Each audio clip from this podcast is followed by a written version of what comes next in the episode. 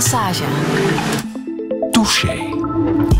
Touché vandaag met Hassan Al-Hilou. Goedemorgen. Goedemorgen. Je bent ondernemer van je eigen bedrijf. Age Consultancy, dat is al meteen een heel interessant letterwoord. Waar staat dat voor? Age? Dus uh, age staat voor age, leeftijd, gender uh, en uh, ethnicity, culturele diversiteit. En jouw age is? Ik ben momenteel 21 jaar oud. Dat is jong, hè? Ja, voor sommigen wel, voor sommigen niet. Voor jou al lang niet meer, want je bent al zes jaar ondernemer. Je bent begonnen op je vijftiende. Klopt. Op mijn 15 had ik mijn eerste project, mijn eerste start-up gelanceerd. Uh, waardoor ik de titel van de jongste ondernemer van het land kreeg in het media.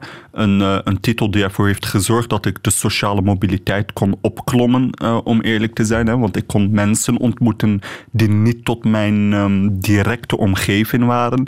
Maar dat zorgde ook dat die titel ervoor zorgde dat ik een rolmodel moest worden voor de jongeren, voor de kinderen um, uit mijn eigen regio. Een mandaat die ik met veel liefde en plezier opneem. Ja, op welke manier probeer jij een rolmodel te zijn? Dus uh, in het begin vond ik het moeilijk, die term rolmodel, omdat ik dacht van ja, wat is het? Wanneer word je het? Wat zijn de criteria's erachter? Uh, totdat uh, Dania uh, in mijn boek ook heeft gezegd: um, een rolmodel is een mandaat die de maatschappij aan jou geeft. Dus dat is niet echt iets wat jij kan claimen. Hè. Het is echt een, maatschappij of een groep die zegt: jij bent onze rolmodel. En dan moet je die mandaat vullen totdat iemand anders die mandaat overneemt van jou als rolmodel. En dus hoe ik het heb vervuld is door gewoon vooral veel kennis te delen met de anderen, ervaringen te delen. maar ook gewoon mijn eigen gedrag zodanig. Um, uh, bepalen dat ik geen fouten maak. Uh, want ik weet als ik een fout maak uh, of als ik een, laten we zeggen, faal in het leven, dan is er daadwerkelijk een hele groep die mogelijk gekwetst zal worden. of zal zeggen van, gewoon om een voorbeeldje te geven, een moeder, de, een zoontje die bij mij komt van 13 jaar en die zegt, mijn moeder die toont me altijd jouw video's. Ja, dan wil ik niet falen, laten we zeggen. Want ik ben bang dat opeens die rolmodel in die oog van die 13-jarige uh, waar ze zeggen het is mogelijk, we kunnen uh, succes maken in ons eigen leven, uh, dat het opeens nee, het is niet mogelijk of er is toch een probleem. Grote verantwoordelijkheid, hè? Nu, je hebt jouw verhaal ook neergeschreven in Ik ben Hassan, ondernemer van mijn eigen leven. Is er een betekenis verbonden aan jouw naam, Hassan Al-Hilou? Ja, dus uh, Hassan zelf betekent uh, zachtaardig, um, eh, een zachtaardig persoon. En uh, al-Hulu in het Arabisch betekent het mooie. Uh, nu momenteel in de radio gaan mensen ervan uit dat ik een heel mooie mens ben. U gaat iedereen naar de, naar de livestream kijken op uh, Radio 1. Spijtig genoeg moet ik jullie teleurstellen. dat is niet waar. ik kan dat al ontkennen. Het is heel prettig om naar jou te kijken en al zeker om naar jou te luisteren. Um, je bent nog aan het studeren ook, hè? Klopt. Uh, ik zit momenteel in mijn uh, master in de VUB, uh, bedrijfskunde. En eigenlijk, ik heb altijd keuze gemaakt om mijn passie te volgen. En dus in het middelbaar was dat economie-wiskunde. Ik vond economie heel interessant. De wiskundige basis vond ik van cruciaal belang. Ongeacht hoe jongeren zeggen, wat doe je ermee? Ik zag er wel wat ik ermee moest doen. Uh, nadien heb ik innovatiemanagement gestudeerd, um, omdat ik die, uh, de wereld van de innovatie en de vernieuwing van, uh, ja, heel aantrekkelijk vond. En dan nu bedrijfskunde, waar ik meer de, de cijfers en de management en de organisatorische leer ontdek. Hoe zou jij jezelf omschrijven? Uh, vooral een levensgenieter in termen van dat ik echt wel mijn passie volg. en iemand die vooral um, ja, mensen probeert te motiveren, inspireren en vooruit helpen, laten we zeggen. Um, de mensen die het ook willen, natuurlijk. Uh, maar ik denk wel echt een, uh, iemand die gewoon geniet van zijn moment. Ja, iemand die ook heel erg aanwezig is als die ergens binnenkomt. Iedereen heeft jou gezien en gehoord, hè? klopt dat? Uh, volgens, ja, volgens mijn medeleerlingen in, de, in, de, in, de ho in de hogere onderwijs of in de basisschool of in de middelbaar of zelfs de leerkrachten zeiden ze Hassan, hoe kan je zoveel energie hebben in de ochtend waar ik dan binnenkwam op het speelplein. Dus het heeft minder te maken enkel hè, in de evenementen enzovoort. Het is gewoon ja, ik, ik heb energie. en ik denk, sommigen uh, hebben die, hè, misschien een ADHD, waar ze het op een andere manier hun energie uh, verspinnen. Bij mij was het door in de ochtend zoveel mogelijk te roepen en praten en lachen. Uh, en dan aan het eind van de dag gewoon goed slapen. Dus, Hoeveel talen spreek jij? Um, dat is een moeilijk. Ik denk vier talen. Dus Nederlands, Engels, Frans, Arabisch. Uh, en Nederlands met een Nederlands accent, hè? Klopt. Ik ben een Nederlander of in jullie ogen een Hollander. en, dus, en ik ben daar echt fier op. Hè. Ik ben een trotse Nederlander die leeft hier in Brussel en geniet van het, het Belgische. Ja, dus. want je woont in Molenbeek. Ik woon in Molenbeek. Ja, daar heb je ook je hart verloren? Ja, uh, het is, het is een, wijk, een, een gemeente, een stad zelfs. Want er zijn heel veel inwoners daar um, waar vaak over wordt gesproken, maar niet met wordt gesproken. Um, en wanneer je daar zit en met de mensen spreekt, en er zijn verhalen, en er zijn heel kwetsende verhalen, dat ontken ik niet. Hè. Mijn buren, mijn mensen rond me. Het is niet het schoonheid, hè. Het, is pijnlijk soms. Uh, maar ik denk dat die pijnlijkheid jou laat realiseren van uh, wat er speelt in het leven. En dat heb ik wel belangrijk. Iemand die vooral vaak op de podiums wordt geroepen, is het wel soms uh, aangenaam om te realiseren dat niet iedereen op een podium staat. Ja. Hassan, toen ik jou contacteerde om te gast te zijn in Touché en deze datum voorstelde, 15 november, toen zei je, ja, laten we er een mooie Koningsdag van maken. Ja. Is dat iets dat jou bezighoudt, uh, Koningsdag? Ik denk dat uh, als jullie een beetje Nederland weten, hè, dan weten jullie hoe Koninginnendag vroeger ja, en dan de Koningdag gevierd wordt. dus dat is wel echt een nostalgische dag voor mij Nederland. Hè, het dragen van oranje uh, en het genieten uh, van de markten die er dan zijn en de muziek die er speelt. Um, in België wordt het toch op een andere manier gevierd, kunnen wij zeggen. maar ik geniet er wel en ik heb ook het, het, het geluk gehad om meerdermaals het Koninklijk Huis te bezoeken. Um, en dus ja, je hebt de koningen al ontmoet. Ja, ja, ja, ja, dus ik heb al meerdere keren onze eigen koning ontmoet hier in België. Koning Filip, een zeer uh, in mijn ogen intelligente mens. Um, uh, een mens die daadwerkelijk wel luistert, vooral als je zonder de camera's met hem zit. maar ik heb ook de eer gehad om koningin te ontmoeten en koningin Rania van Jordanië. En ja, het is een, een andere wereld. Maar één ding is zeker, ik draag altijd een sneaker wanneer ik met hen zit. Dus ah, ja? je blijft jezelf. Of het nu de koning is of mijn buurvrouw die een alleenstaande moeder is. voor mij zijn ze het gelijk. Hassan Al-Hilou, welkom in Touché. Radio 1. 1. Friedel Lesage. Touché.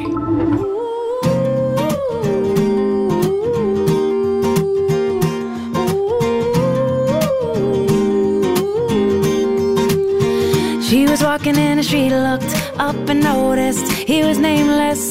He was homeless. She asked him his name and told him what hers was. He gave her a story about life with a glint in his eye and a corner of a smile. One conversation, a simple moment, the things that change us if we notice when we look up sometimes. They said oh, I would never make it, but I was built to break the mold. The only dream chasing is my own. So I sing a song for the hustlers trading at the bus stop. Single mothers waiting on a check to come. Young teachers, student doctors, sons on the front line knowing they don't get to run. This goes up to the underdog.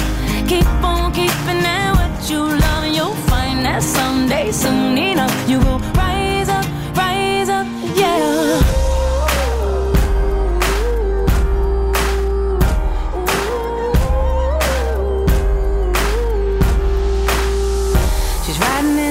taxi back to the kitchen, talking to the driver about his wife and his children on a run from a country where they put you in prison for being a woman and speaking your mind. And she looked in his eyes in the mirror and he smiled. One conversation, a single moment, the things that change us if we notice when we look up sometimes. They said I would never make it, but I was built to break the mold. The only dream that I've been chasing is my own. So I sing a song for the hustlers trading at the bus stop. Single mothers waiting on a check to come. Young teachers, student doctors, sons on the front line knowing they don't get to run. This goes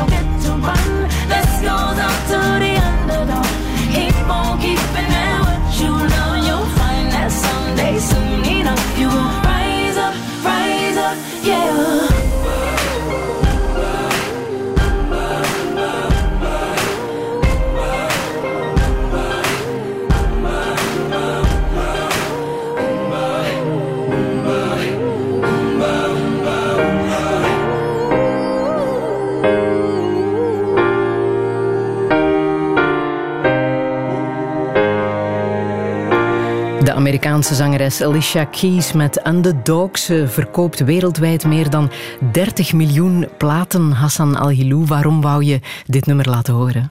Eh, heel eenvoudig. Ik vind het een uh, prachtig nummer dat uh, gaat over de werkende mens.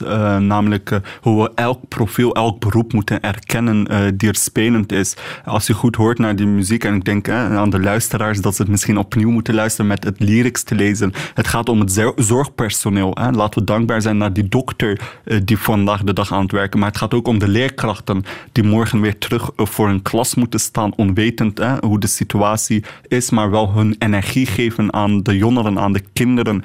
Uh, maar aan de andere kant gaat het ook om de student-verpleger uh, dat ze erkent. Namelijk ook de mensen vandaag. En ik heb een vriend uh, die massa's aan het werken is vandaag in de ziekenhuizen.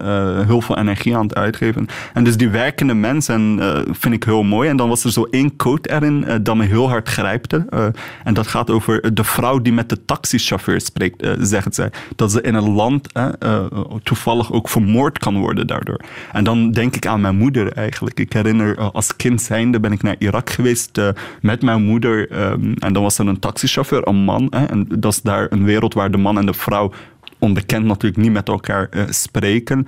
En dan had hij mijn moeder daar opeens die over politiek met de chauffeur aan het spreken was. En dan was de chauffeur zo van ontgoocheld van, oei, wat gebeurt? En die sprak dan mee, maar dat was zo uh, een besef van mij van hoe, uh, hoe sterk mijn moeder is en hoe ja. krachtig mijn moeder is. Ongeacht de clichés die er gaande zijn over de moslimvrouw, laten we zeggen. Ja, nee, er zijn krachtige vrouwen. En dus die muziek gaat over de krachtige mens, de individuen die werken of spreken. Ja. Hassan, ik heb jou aangekondigd als ondernemer. En op dit moment ben je heel druk bezig met de COVID-19-communicatie hackathon. Wat is dat precies? Klopt. Um, wij werden door UZ Brussel benaderd uh, door professor Mark Noppen, uh, de CEO van het ziekenhuis. Uh, en die heeft ons gezegd, Hassan, we merken of we voelen dat de jongeren toch niet mee zijn wanneer het gaat over de COVID-maatregelen. En dus eigenlijk de eerste reactie die wij toen hadden was, oké, laten we ze bijeenbrengen en zoeken waarom. Wat we heel snel tot conclusie kwamen, dus een hackathon is eigenlijk daadwerkelijk groepen bijeenbrengen om na te denken aan een oplossing voor een bepaald problematiek. Een soort groepsbrainstorm. Een groepsbrainstorm. En dus dat hebben wij dan georganiseerd in Brussel. Een grote succes met heel interessante conclusies. Een de eerste conclusie was, wij kennen de gouden regels wel. Dus het klopt niet dat we het niet kennen. Uh, maar de twee andere conclusies waren het eerste vermoeidheid. En ik denk dat we wel allemaal moe zijn geworden uh, van deze huidige situatie. Maar ja, de jongeren uh, die het gewoon zijn, hè, mijn leeftijdsgenoten, de studenten rond me, ja, die hadden, laten zeggen, een heel actieve leven en opeens een heel stille leven. Mm, dit dus, zou de spannendste tijd van hun leven moeten klopt. zijn en de conclusie is, het is saai. Ja, het is saai. En de tweede is dat ze ook niet werden betrokken in de eerste lockdown. En ik uh, probeer niemand te beschuldigen. Niemand wist of weet wat we moeten doen met deze uh, situatie. Maar dus ze voelden dat ze niet werden betrokken. Het was vaak de ouderen uh, die de risicogroep was en dat de jongeren thuis moesten blijven voor de ouderen. Terwijl de risico of de impact eigenlijk ook bij de jongeren is. De educatieve impact, de economische impact, de sociale impact. En dat beginnen ze nu wel te beseffen. En dus in die hackathon hebben we die conclusies gemaakt. En dan het tweede wat we hebben gedaan is dat ze zelf ambassadeur van hun eigen huis worden. Dus dat ze op hun manier eigenlijk via hun kanalen eigenlijk laten weten aan hun eigen vriendenkring, hè, familiekring, van wat zijn nu weer de regels en laten we toch nog het blijven volhouden. En het was een groot succes in Brussel. Het was ook een groot succes in Mechelen. En we gaan het nu ook federaal uitrollen. En dat betekent? Dat betekent dat we uh, samen met de federale regering hebben nagedacht. Kunnen we zo'n hackathon spijtig genoeg niet fysiek, maar virtueel organiseren? En dus we zijn nu heel hard bezig om eigenlijk een soort videostudio op te maken met 30 hackathonmomenten uh, waar dan scholen, jeugdwerkenden zich in kunnen schrijven puur digitaal, met een heel interessante technologische software, waar ze dan eigenlijk, ja, of ze nu in Vlaanderen of in Wallonië of in Brussel wonen, kunnen nadenken en kunnen creatief bezighouden mm. met de man. En welke jongeren komen daarop af? Uh, heel divers. Uh, in terminologie van uh, vaak gaat het wel redelijk om de meest kwetsbare van de jongeren die we proberen te bereiken. En nu zijn we tot ontdekking gekomen dat het eigenlijk om jongeren toekoor gaat die we moeten bereiken. Um, en dus het gaat om de student van een of andere hogeschool tot en met een jonge uh, persoon die geen diploma of geen werk heeft. Mhm, maar ook jongeren die niet mee zijn in het coronaverhaal, die inderdaad de regels misschien toch iets te veel aan hun laars lappen, bereik je die ook? Uh, het is niet dat ze dat direct aan mij zeggen, uh, dus dat weet ik niet. Uh, maar again, ik herhaal, het zijn wel jongeren die weten wat de regels zijn. Um, er zijn geen domme mensen die de voorbije maanden niet de regels hebben gehoord. Um, maar die gewoon nog up-to-date moeten gehouden worden van volg het nog steeds. Mhm. Ehm, en dat is eh, van cruciaal belang. En again, dit is een manier om een bepaalde betrokkenheid te creëren bij de jongeren. Uh, maar aan het eind van de dag, als er iets wordt gedaan uh, dat volledig tegen de regels inspeelt, ja, dan los je het niet met een hackathon op. Mhm. Dat zeg ik niet. En wat zijn de conclusies geweest in die eerste twee hackathons? Wat, wat, welke verhalen zijn daar naar boven gekomen? Jongeren voelden zich gehoord. En dat, is wel heel, dat was heel eh, ja, emotioneel om te horen. Hè? Echt jongeren die even getuigen van hoe het, hoe het was voor hun. Ja. Uh, soms was het heel moeilijk voor hun. Uh, onderschat niet als je in de eerste lockdown. Ik heb de luxe, ik weet niet, ik ga niet over u spreken, maar ik heb wel de luxe om in een alleen te wonen. Hè, in een ruime grote appartement. met rust, met verwarming en alles en nog wat. Ehm, wanneer terwijl mijn eigen buurvrouw bijvoorbeeld, hè, alleenstaande moeder met vijf kinderen, uh, in een eenkamer uh, appartement. Ja, ja hoe, hoe zouden die kinderen en jongeren zich voelen in die huis? Um, en dus die verhalen kwamen naar boven van we hebben plaats nodig. Uh, plaats om te rusten, plaats om te ja, luchteren, eigenlijk te ademen. Uh, buiten onze eigen huis. Uh, en dat is iets wat we echt wel nu aan het, ja, aan het indringen ben tegenover de beleidsmakers. Creëer uh, safe spaces, namelijk ruimtes waar de jongeren naartoe kunnen gaan om even te werken aan zichzelf, om even gewoon na te denken enzovoort. Ja. En dus dat is uh, een van de. Wat betekent het voor jou dat bij het begin van de eerste lockdown de jeugd overgeslagen werd? Dat daar zo slecht mee gecommuniceerd werd? Kijk, wat, wat, wil dat zeggen over de beleidsmakers, over onze maatschappij?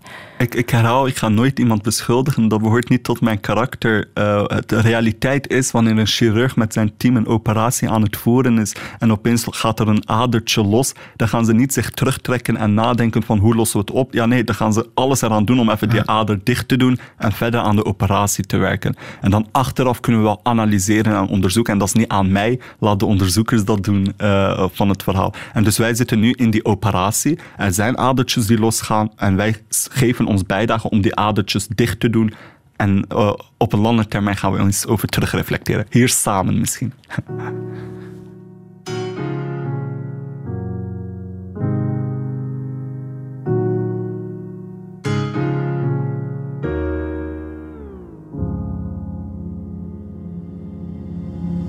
Dites-moi d'où il vient, enfin je saurai où je vais.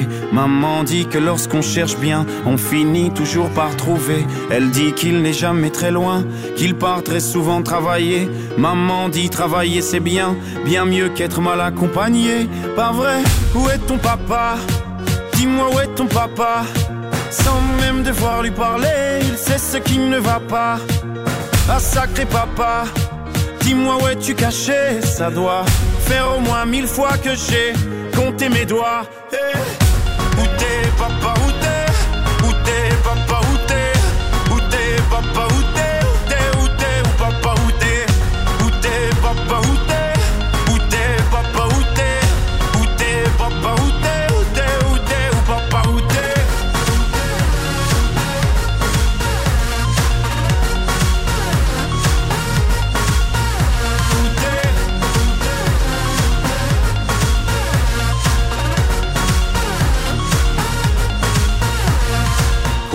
Qu'on y croit ou pas, il y aura bien un jour où on n'y croira plus. Un jour ou l'autre, on sera tous papa et d'un jour à l'autre, on aura disparu.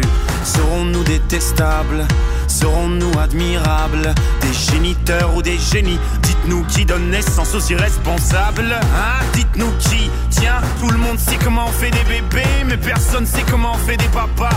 Monsieur, je sais tout, on aurait hérité, c'est ça. Faut le sucer de son pouce ou quoi? Dites-nous où c'est caché, ça doit Faire au moins mille fois qu'on a bouffé nos doigts. Eh, où t'es, papa, où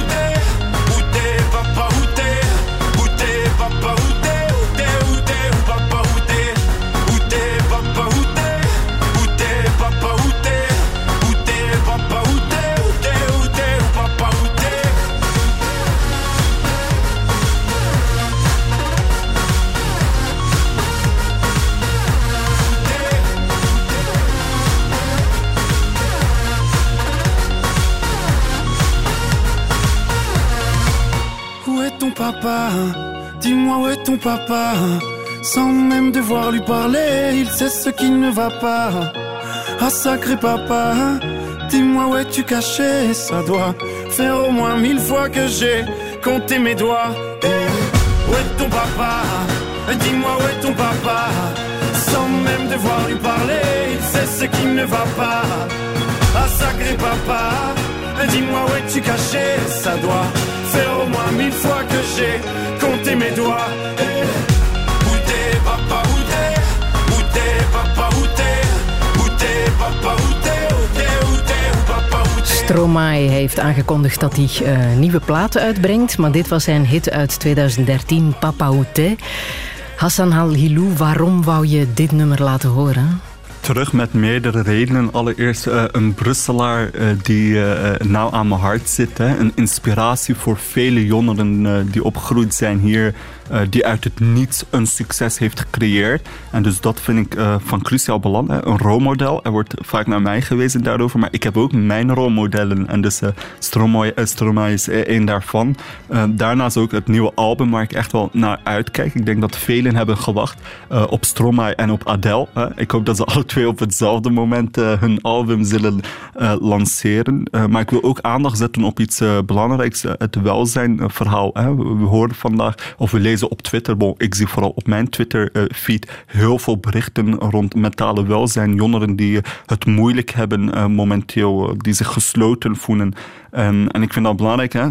Heeft daardoor ook gestopt. Hè. Die voelde zich ook op een moment gewoon niet meer goed. En dat is goed om even te stoppen en te zeggen van oké, ik ga even rust nemen in mezelf. Ik ga mezelf heruitvinden en zien van um, welke zoektocht ik op moet gaan. En ik denk dat die zoektocht uh, we vandaag de dag weinig zien.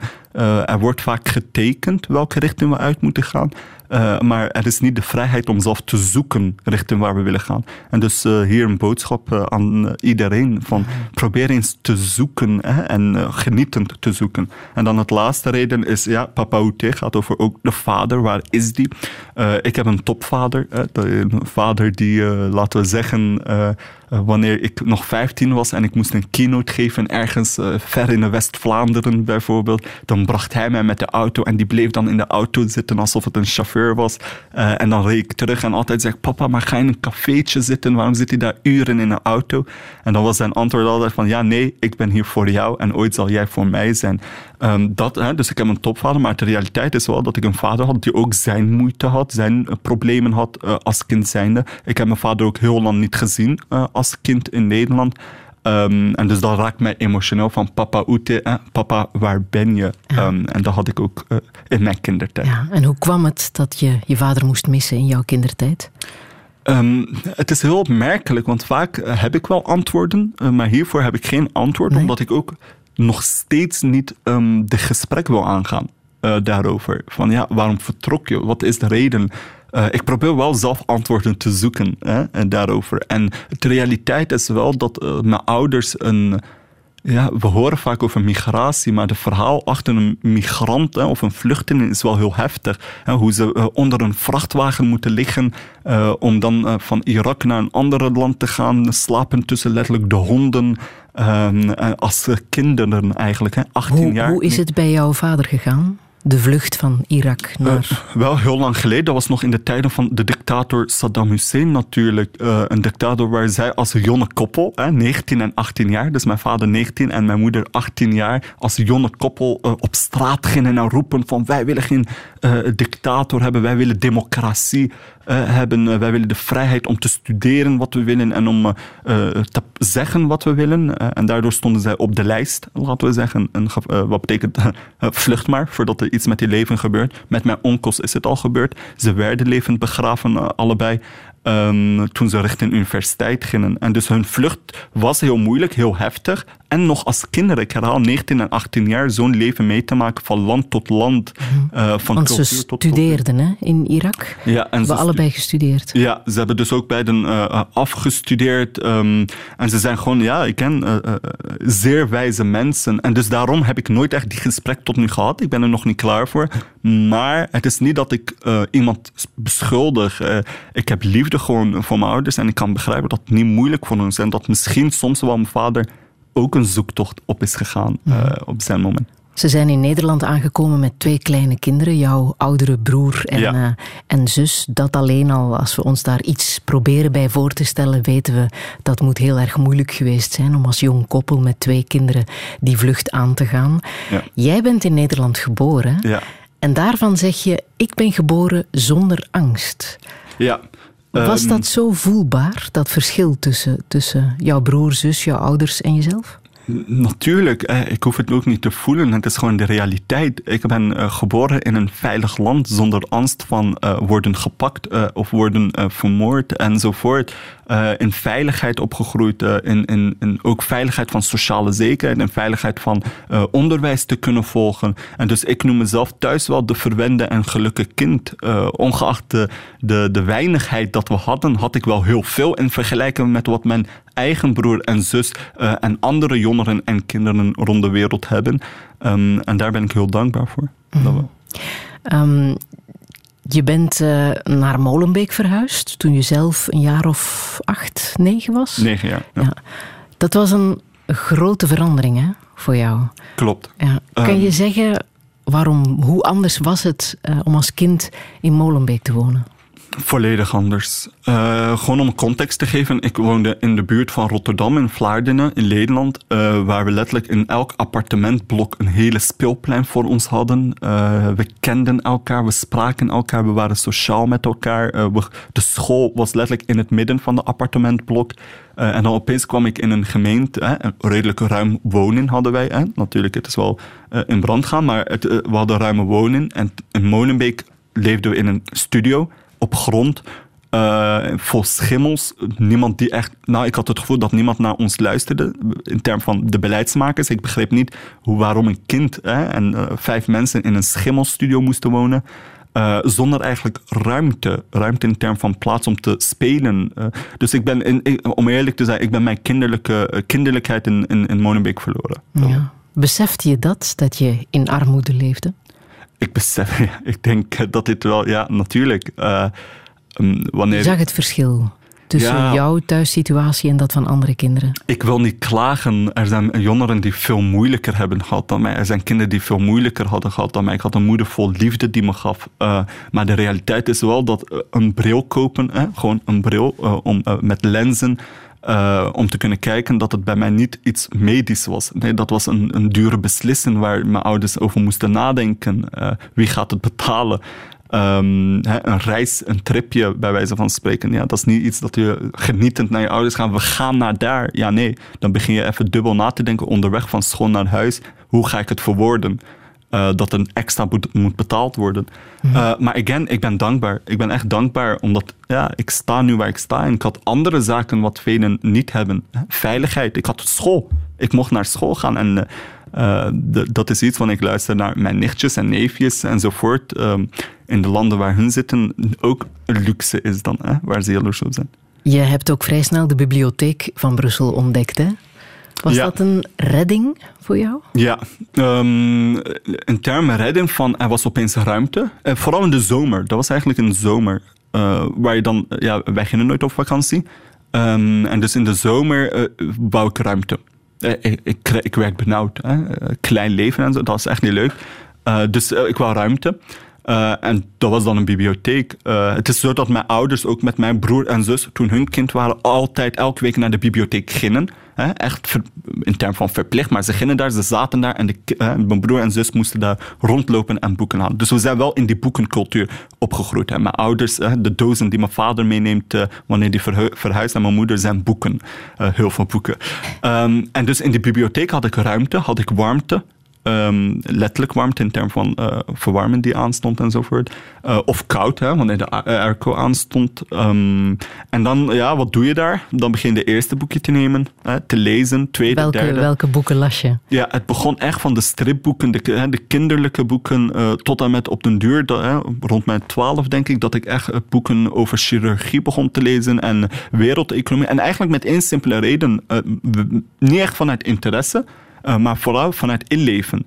Um, namelijk, wanneer ik het las, was ik heel empathisch. Dus ik kon me inleven in de wereld van de politici, in de wereld van de econoom, in de wereld van de chirurg. En dat vond ik een heel fijn gevoel dat ik zo'n ander leven kon hebben en dat ik kon dromen over wat wel mogelijk is voor mensen. Nu begrijp ik waarom je op je twaalfde je eigen boek bent beginnen schrijven. Ja, dus uh, op mijn twaalfde, dat is wel heel grappig, uh, heb ik, uh, ging ik naar mijn ouders en zei ik van, ik wil hier een, een, een, een radicale boekje schrijven tegen de economie en tegen de politiek. Uh, omdat er niet wordt geluisterd naar mij, had ik het gevoel. Um, en mijn ouders zeiden van, doe het maar. Hè? En dat is wat mijn ouders wel altijd zeggen. Doe het ja. maar. Hè? Begin er maar en kom maar achteraf terug uh, en zeg, uh, vertel erover. En ik ben ermee begonnen. Uh, en... Zij waren zeer enthousiast, maar ja. jouw leraar iets minder, hè? Klopt. Uh, wanneer ik klaar... Een boekje, het was uh, 50, 60 pagina's. maar wanneer ik ermee klaar was, was ik heel trots op mezelf. ging ik toen naar de leerkracht om te zeggen van... Ja, ik heb hier een boekje geschreven over politiek en economie, maar dat was in de ochtend. Um, en die zei, ha Hassan, ja, jij en jouw energie, ga maar terugzitten. Uh, en dat was heel kwetsend voor mij. Want dat was zo'n moment waar ik echt geloofde dat ik, kon, uh, dat ik uit het cyclus kon gaan, waar ik toe behoorde, uh, met een boek. Ik, ik, ik had daar echt vertrouwen in. ik kon hier eindelijk succes maken. En dat de leerkracht dan zo reageert. En dan is de vraag van, heeft hij dat gezegd omdat hij in de ochtendhumor zat van een leerkracht? Um, of zoiets. Dus again, ik beschuldig niemand. Uh, maar het heeft mij wel, en uh, dat was de moment waar ik besefte dat elk woord iemand wel kan raken. Ongeacht of je het wilt of niet. het kan soms iemand echt kwetsen. Het heeft mij wel gekwetst, ja.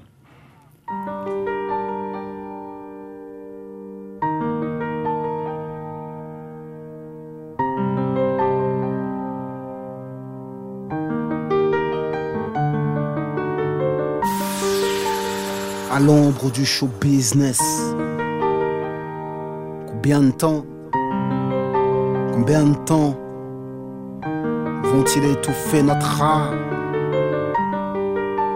Combien de temps vont-ils se partager les victoires de la musique? On s'en fout, on est réel, nous, t'es fou, toi. Ils tentent d'étouffer notre art, faut être honnête. Ils refusent de reconnaître qu'en ce siècle, les rappeurs sont les héritiers des poètes. Notre poésie est urbaine, l'art est universel, notre poésie est humaine. Nos textes sont des toiles qui dévoilent le mal-être des destins sans étoiles. Nos lettres, photographies des instants, deviendront des témoins chantant le passé au présent. Un piano, une voix, tu vois l'art des pauvre n'a besoin que de ça. Je rappe à la force des mots, sans artifice. Moi, c'est à force de mots que je suis artiste. Je pratique un art triste, tristement célèbre, car c'est à travers nos disques que la voix du ghetto s'élève. Le rap est un art prolétaire, alors les minorités y sont majoritaires. Mais comme tout art, je pense que le rap transcende les différences, rassemble les cœurs avant les corps. Faisons des corps, des décors, mettons les cœurs en accord.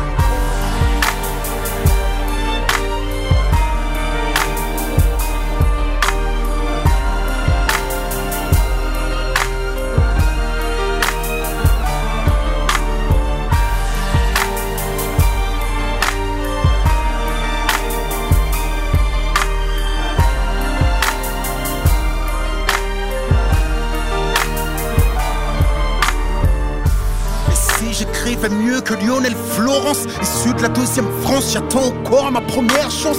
Pardonne mon arrogance, mais c'est le condamne mon art au silence. Pendant que je pleure, mes potes ont terminé leur dernière danse. Alors oui, je suis poète dans le cercle des disparus. À l'ombre du show business, mon art vient de la rue. Mon art est une pierre précieuse qu'on a recouverte de ciment, que seul peut faire fondre les sentiments. Mon art est engagé, mon art a un sens, mon art une opinion, mon art est intense, mon art ne s'excuse pas s'il vous gêne, car il apaise nos cœurs, c'est le cri des indigènes, oh que j'aime la langue de Molière, je suis à fleur de mots, tu sais, y a une âme derrière ma couleur de peau, et si je pratique un art triste, c'est que mon cœur est une éponge, on est rappeur et artiste, même si ça vous dérange.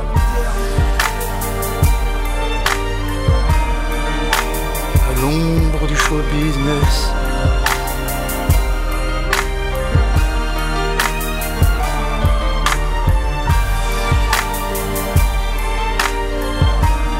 Carrie James en à l'ombre du show business. Hassan Al-Hilou, hij wordt echt kwaad hè, tijdens dit nummer. Ja, uh, en dat is soms goed. Uh, als je kwaad bent, uh, moet je een manier vinden om het te kunnen, ja, het kwaadheid weg te geven, laten we zeggen.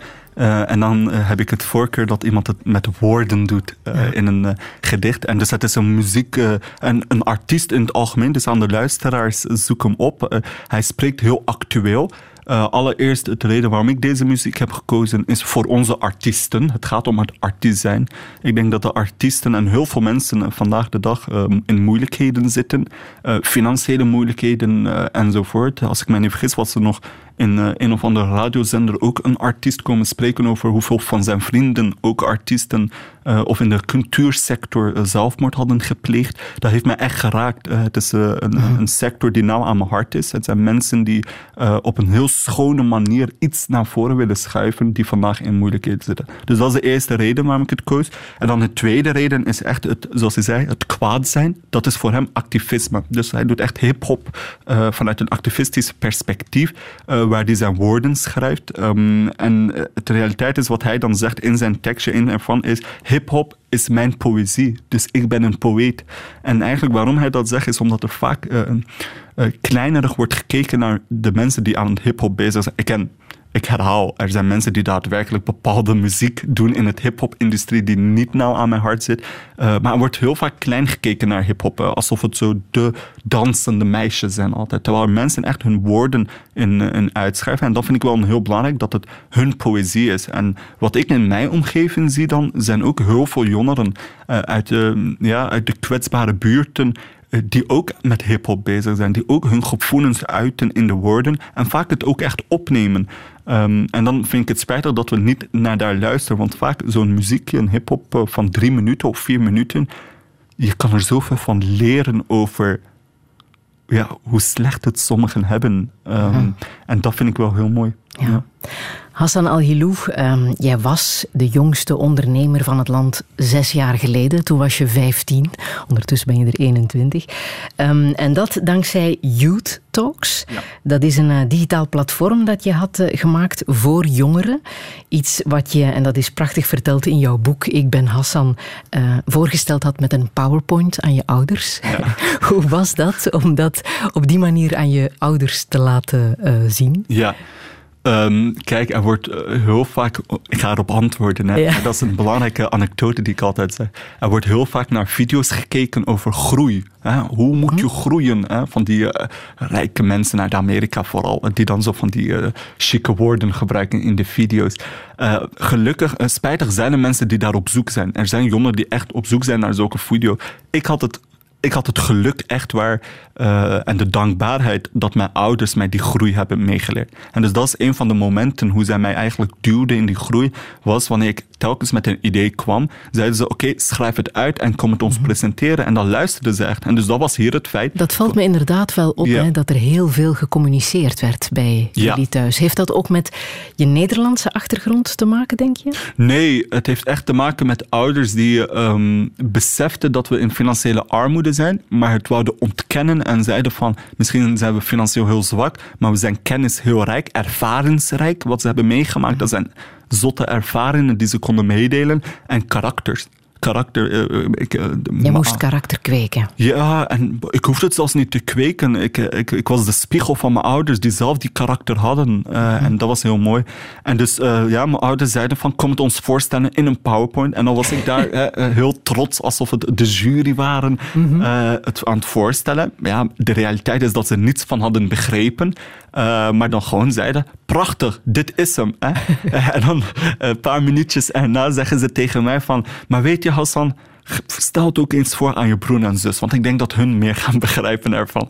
En ik zei van, ja natuurlijk, ik ga dat doen. Hè. Dat is de tweede stap, want mijn zus en broer zijn hè, in mijn ogen hè, de, de rolmodellen hè, van de mensen die... Eh, als hun akkoord waren met dit idee, dan was het perfect. En dus dat heb ik dan gedaan. Ik heb het voorgesteld aan mijn broer en zus, die me dan ook heel erg motiveerden. Ik heb top, een topbroer en een topzus, waar dan mijn zus zei, oké, en nu gaan we het in woorden schrijven wat hij allemaal aan het vertellen bent. Uh, en zij heeft mij geholpen en dan was ik, uh, had ik twee papiertjes, twee paginaatjes met het idee. Um, en daarmee ben ik dan rondgegaan. Ja, je bent bij wie zoal terechtgekomen? Um, dus om het verhaal kort te houden, beëindigde ik bij Started KBC een jury. Uh, waar ik dan zo twee papiertjes had. Toen had ik geen PowerPoint eigenlijk. Gewoon twee papiertjes met aan de bovenkant, aan de linkerkant boven, uh, zo de logootje die ik zo online had gescreenshot. Weet je, zo, die je gratis kan aanmaken. Een heel leuke logootje. Uh, En ik stelde echt vol passie. Ik geloofde ook echt oprecht in mijn idee. Hè. Het ging echt om ook het bestrijden van fake news. Toen was Donald Trump er nog niet. Dus, Daar ging het over, het hè? Die Youth Talks. Ja, de Youth Talks mm. ging echt om het bestrijden van fake news via social media door Youth Empowerment. Uh, iets wat toen nog niet zo bekend was, maar sommigen het wel zagen. En dus de jury waren zo mega enthousiast. En ik had ook die papier in het Nederlands en het Engels. Hè. En dus er was een jury uh, die dan zo zei van het feit dat hier in twee Ja, ze waren heel motiverend. Hè. Ik denk dat ze ook een beetje empathie hadden met mij als 15-jarige kind. Maar weet je, die woorden, again, de, de, de belang van woorden, hoe belangrijk het is. Het feit dat die jury dan zo tegen mij zegt van wauw, prachtig, goed gedaan, top. Ehm, dat zijn kleine woorden, hè, uh, qua lettergrepen, maar de impact ervan heeft ervoor gezorgd dat ik vandaag hier sta. Hè. Er was opeens mensen die in me geloofden, die ik nooit eerder had ontmoet en die ook mijn verhaal niet kennen. Hè. Die geloofden in Hassan en in zijn project. Uh, en uh, vandaag sta ik hier. Ja. Ja. Ook wel opmerkelijk is dat je heel veel inspiratie uh, haalde bij de grote namen, hè, zoals Jeff Colruyt bijvoorbeeld. Dat was toen al een groot voorbeeld voor jou. Nu, die man heeft natuurlijk echt een merknaam. Ja. En die heb jij niet. Ja. Dat Kijk, besefte je ook. Ik ga daar niet heel, voor, heel veel over uitspreken. De realiteit is dat, again, ik herhaal, ieder mens heeft zijn verhaal Ieder mens heeft zijn ervaren en ieder mens heeft iets om te delen. Um, en daar luister ik naar. En ik herhaal of het de koning was of de alleenstaande moeder die naast me woont. Voor mij, ik leerde van iedereen. Um, en dat boeit mij niet wie of wat je bent. En dus de mensen waar, jij de namen nu opnoemt, die ook in mijn boek staan verwerkt, uh, dat zijn mensen waar ik oprecht heel veel van geleerd heb. Uh, uh, al is het maar een kleine anekdote dat ze vertellen, al is het maar iets financieel dat ze ondersteunen. Hè. Dus het was via de Koning Boudewijn Stichting dat ik mijn eerste laptop had gekregen, die onder, door, uh, onder andere door de Corheid was gefinancierd. Die laptop heeft ervoor gezorgd dat ik die PowerPoint kon maken, dat ik die tekst ja. kon schrijven. Ja. En dat zijn die kleine dingen waar ik gewoon echt oprecht dankbaar voor ben. Ja. En waardoor je nu je eigen bedrijf hebt, Age ja. Consultancy. Voor wie werk je nu? Ja, Um, dus ik ben nu eigenlijk wel, want ik heb nu een volledig nieuw project ook die gelanceerd zal ja, worden. Het gaat snel hè, in jouw leven? Ja, het gaat snel. Again, uh, omdat ik in een groeiperiode ben. Ik, moet, ik ben nog zoekend aan het ontdekken wat ik uh, leuk vind, waar ik van geniet. Dus eigenlijk Age, hè, in term van, dat is de terminologie, hè, het is een zelfstandig adviseur waar ik eigenlijk bedrijven begeleid uh, in hun diversiteit en inclusie uh, transformatie. Maar hoe ik dat doe, is niet vanuit de typische consultancywereld. Dus ik ga daar niet drie maanden of één jaar lang een contract tekenen. Dat deed ik wel vroeger, nu heb ik daar geen tijd voor. Wat ik nu doe eigenlijk, en waar ik echt meer in geloof, is een één dag traject. Dus wat ik zeg is, ik ga in de voormiddag een inspirerende keynote geven over diversiteit en inclusie.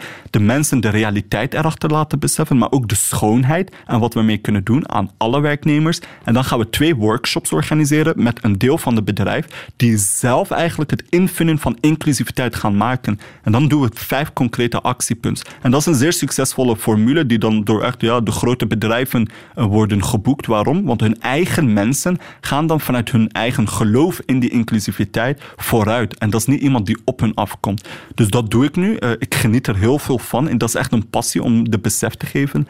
Uh, en dan, uh, ja, dat is mijn professionele passie. En ik heb ook altijd een maatschappelijke passie. Ik zeg altijd van, ik doe meer dan enkel belasting betalen. ik wil meer teruggeven aan de maatschappij.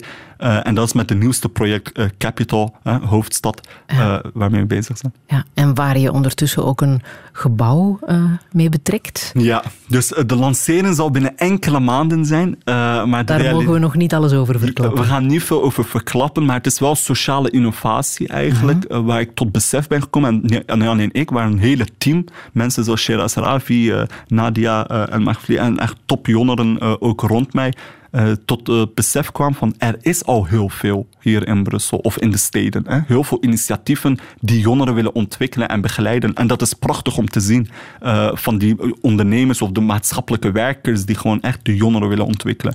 Maar wat we nodig hebben is die verbindenis. En eigenlijk die verbindenis willen wij creëren vanuit uh, Capital. We willen ervoor zorgen dat wij de jongeren, de kwetsbare jongeren eigenlijk begeleiden in zijn traject of haar traject naar financiële onafhankelijkheid, maar vanuit zijn eigen waarde wat we dus gaan doen is een traject uittekenen. Hè, zeggen binnen een jaar moet jij financieel onafhankelijk worden. Dus een job of een onderneming opstarten. Maar hoe gaan we richting daar? Wat is jouw doel? Het gaat om jongeren die uitzichtloos zijn. Echt waar. Je vertelt ze wat wil je en hun antwoord is ik weet het niet. En dat is niet omdat ze te veel keuzes hebben, dat is omdat ze geen keuzes hebben.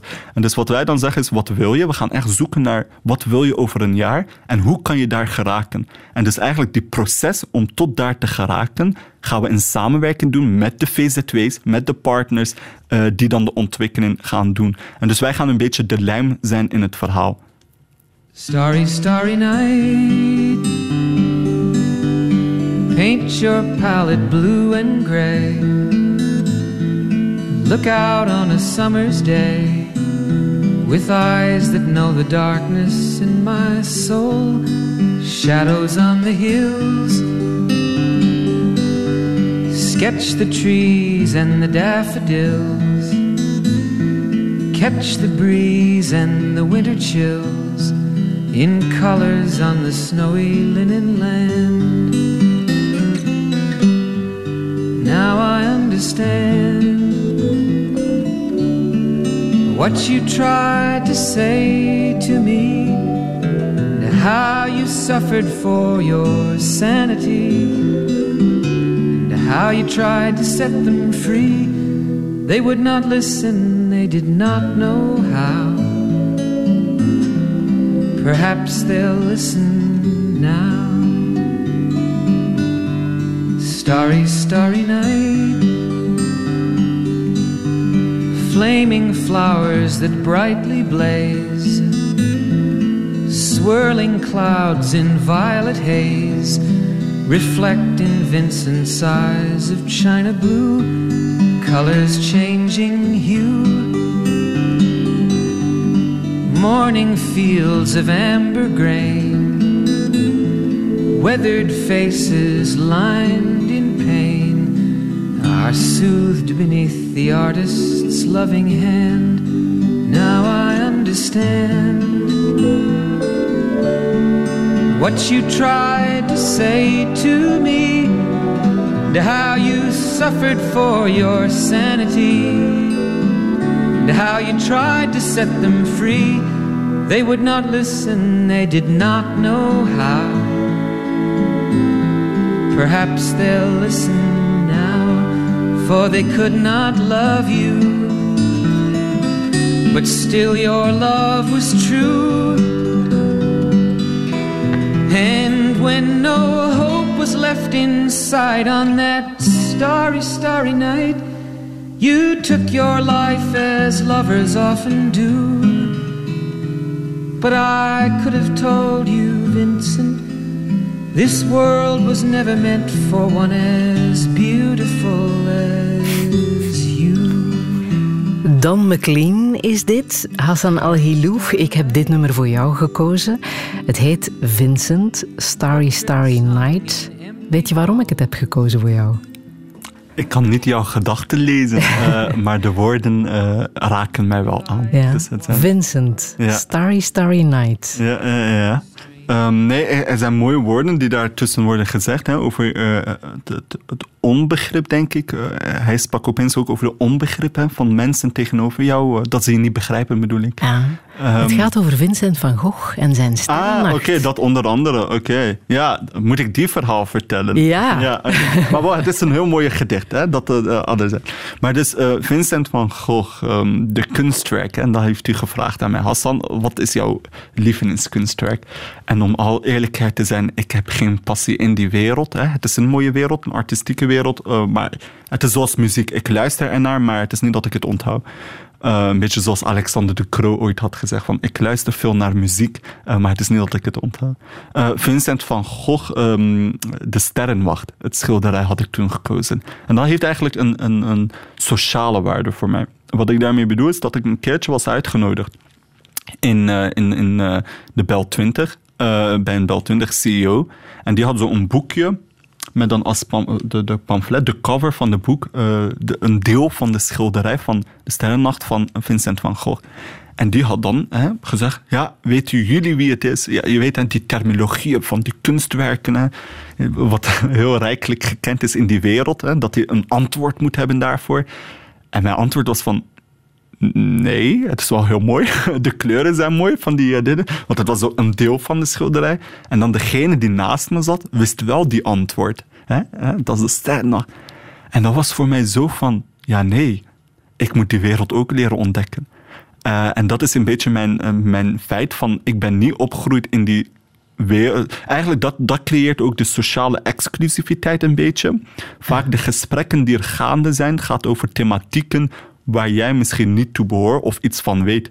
Uh, maar dat je het wel moet leren of dat je het wilt leren. En dus zo in die, ben ik in die wereld beland om te.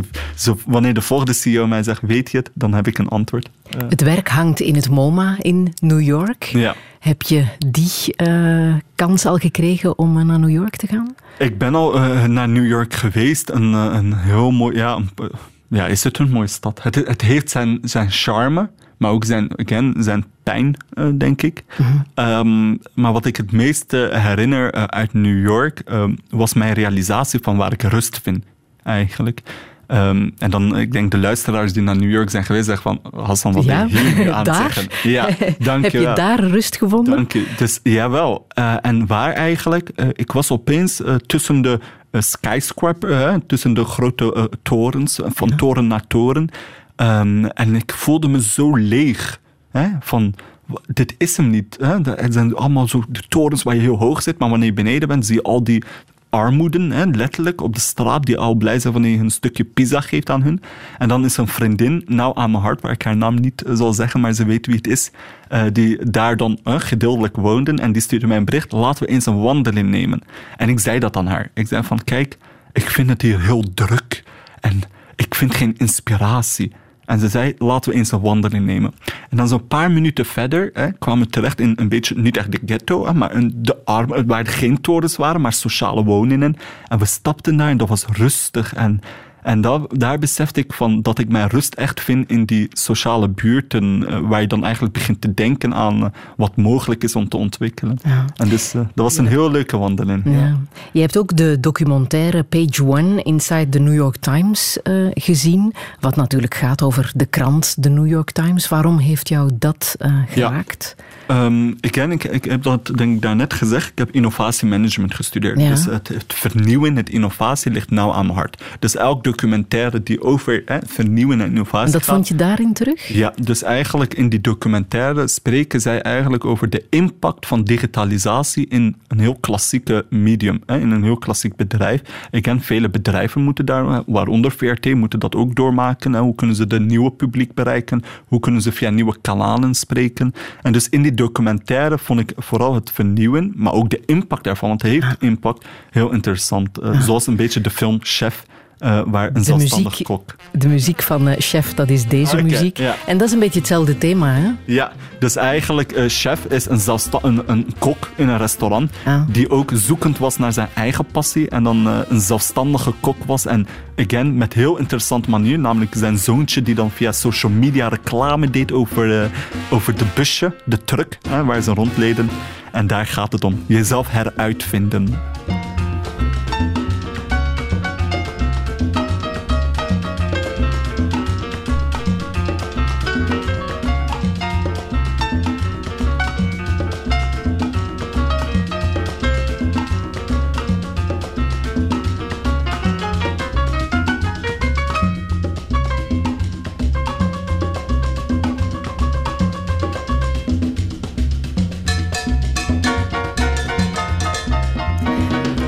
Aanstekelijke muziek uit de Chef, de filmtip van Hassan Al-Hilou en een film van John Favreau, die hij zelf heeft geschreven en uh, geregisseerd. Radio 1. 1. Friedel Lassage. Touché. Touché met Hassan Al-Hilou. Op zijn vijftiende werd hij uitgeroepen tot jongste ondernemer van het land. Nu hij 21 is, publiceert hij zijn levensverhaal. Geen dag te vroeg, want hij voelt aan alles dat hij zijn ervaringen moet delen. De hindernissen die hij tegenkwam op weg naar zijn eigen bedrijf, de lessen die hij leerde van mensen met merknamen als Leijsen, Colruyt en Boel, en de ontmoetingen die hij had met koning Filip, koningin Rania van Jordanië en de ambassadeur van Irak. Want ja, hij is de zoon van Irakese ouders. Maar hoe moet het verder? Hoe nefast is de lockdown voor jonge ondernemers? Is diversiteit een gat in de markt? En hoe krijg je een stressstoornis? Dit is Touché met Assan Hal Ilou. Goedemiddag.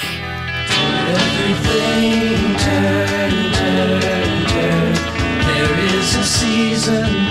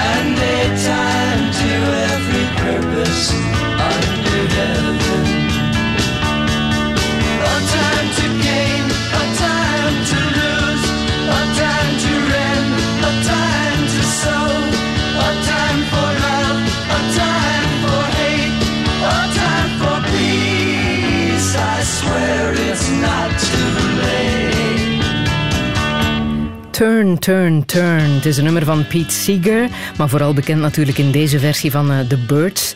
Seeger gebruikte een passage uit de Prediker, Hassan Al-Hilou. Dat, dat uh, wist je. Ja. Is dat de reden waarom je het wou laten horen? Um, er zijn twee redenen waarom ik het wou laten horen. De eerste reden is namelijk die brug tussen de geloven, vind ik Ja. heel belangrijk. Uh, er wordt vaak gedacht dat wanneer je een bepaald geloof volgt, dat dat de enige is waar je naar luistert, of de enige wat u volgt en dan zo muren rond die trekt. Nee, wij werden niet zo opgegroeid thuis. Wij werden echt opgegroeid om naar iedereen te luisteren, naar meerdere geloven of ideologieën hè, mhm. eh, te luisteren. En dus dat is voor mij een heel mooie muziek die bepaalde, hè, vanuit een bepaald perspectief een geloof naar voren centraal stelt.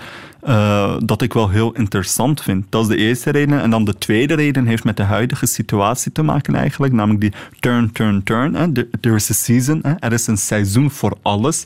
Uh, er is ook tijd voor alles hè, op een bepaald moment.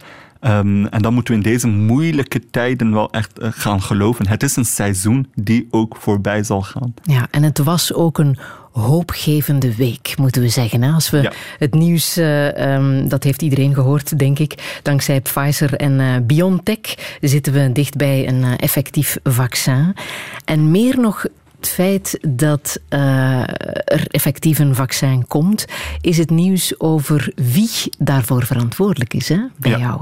Ja, uh, ik vind de mensen die, dat zijn helden. Mensen die gewoon iets maken dat iemand anders kan helpen, hè, gezonder maken. Um, of uh, gewoon toekoer helpen in het leven. En het feit dat het uh, een koppel is die een Duits-Turks uh, hebben, um, dus ook een gemengd identiteit, iets wat wij ook heel veel hier zien in België. Iemand met een Iraaks-Belgisch-Nederlands. Ik heb drie, dit is zelfs meer dan drie identiteiten.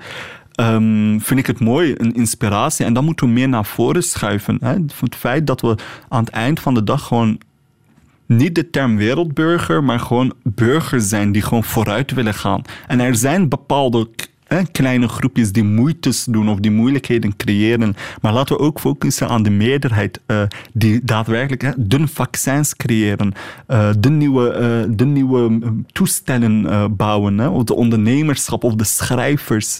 laten we gewoon de schoonheid van. En dat is dankzij hun verhaal, hè, gevlucht uit Turkije, maar ja. wel nieuwe kansen gekregen in Duitsland. En dit is nu het resultaat ja. dat ze mee aan de bron zitten van dat vaccin waar de hele ja. wereld op ja. zitten wachten.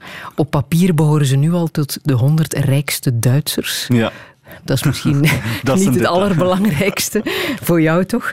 Um, maar het kan zeker een verhaal zijn dat ook jonge mensen moet uh, motiveren. Ik ben zeker, en dat is de voorbije twee weken heel veel gebeurd met Kamala Harris in, in de United States. Hè, met die twee hier uh, en meer en meer van die prachtige verhalen waar ik van overtuigd ben dat er nu ouders zijn met hun kleine kindjes, vaak de tweede of de derde generatie, die nu met hun kleine kindje thuis aan het zitten zijn en naar tv kijken en die dan wijzen en zeggen, ooit kunt u zo worden. Hè? Dit is het nut van te studeren of dit is het nut van de positieve weg te blijven opgaan. En ik ben zeker dat er nu heel veel ouders dat hebben gedaan door met hun kinderen daarover te spreken en gewoon een inspiratie te worden. Maar waar ik hoop meer van te zien, hè, of uh, de, ja, bon, ik heb nu heel veel Twitter-berichtjes ontvangen en LinkedIn-berichten, ja. dus ik hoop dat er ook Twitter-berichten of LinkedIn-berichten komen van ook gewoon, hè, laten we zeggen, de Belgische Belg, hè, de native Belg noemen wij het, die nu ook rond tafel zitten en zeggen van, weet je, hier in Duitsland heeft een, een koppel met een Turks-Duits migratieroute een vaccin gecreëerd. Dat er ook gewoon rond elke tafel inclusieve gesprekken zijn. En niet enkel in bepaalde doelgroepen dat naar voren geschoven wordt. Dus hmm. dat hoop ik echt dat, uh, dat het gewoon verhalen zijn die iedereen inspireert en niet enkel een doelgroep. Ja, nu deze periode is denk ik voor jonge mensen die het plan hadden om een onderneming te starten extra moeilijk natuurlijk. Hè? Wat weet jij daarover? Uh... Ja. Uh, ik, zit met, ik zit vaak met jongeren, wij zitten vaak met jongeren die uh, ondernemers uh, willen worden. Hè. De realiteit is dat ondernemerschap voor velen ook een manier van um, onafhankelijkheid is en het creëren van je eigen mogelijke succes, of je falen natuurlijk. Mm -hmm.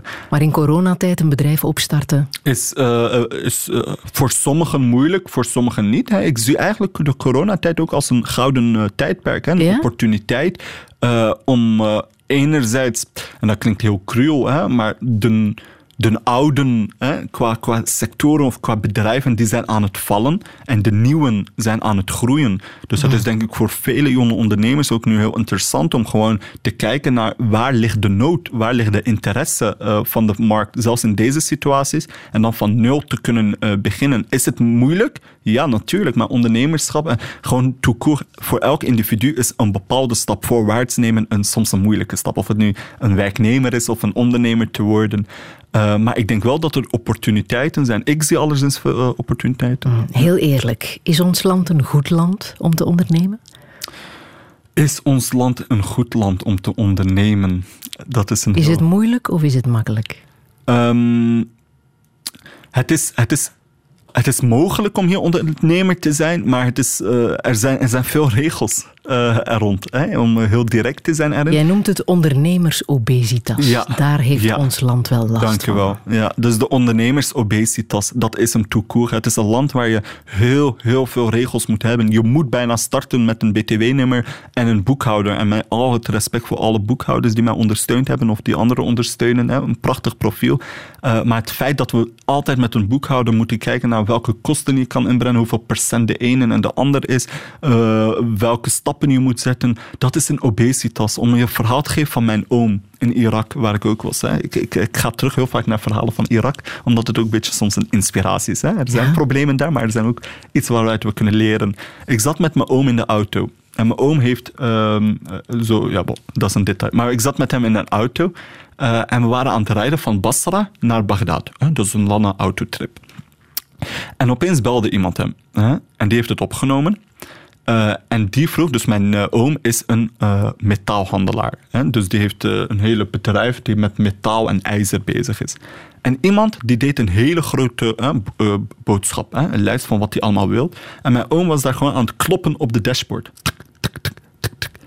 En die deed het dicht. En ik zeg zo tegen hem, mijn oom, wat ben je aan het doen?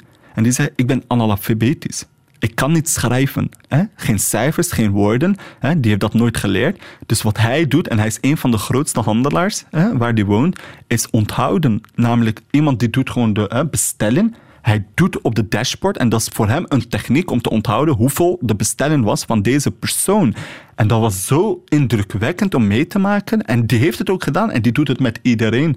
Maar dat vertelt ook gewoon van hoe simpel het, soms kan zijn. Hè? Zelfs als je niet kan schrijven, kan je soms onthouden. En met die onthouden kan je gewoon een ondernemer opstarten. De realiteit is, door onze obesitas hier, de, de ondernemersobesitas, is het denk ik niet mogelijk om tik, tik, tik te doen op een dashboard. Hè? Je moet, zou je niet lukken. Je moet veel tik, tik, tik op de rekenmachine doen. Ja. Je geeft uh, aan heel veel mensen advies, onder andere ook aan de grote CEO's van ons land. Een advies dat wel bijzonder is. Jij zegt, deel liefde met je medewerkers. Ja. Deel... Wat bedoel je daarmee?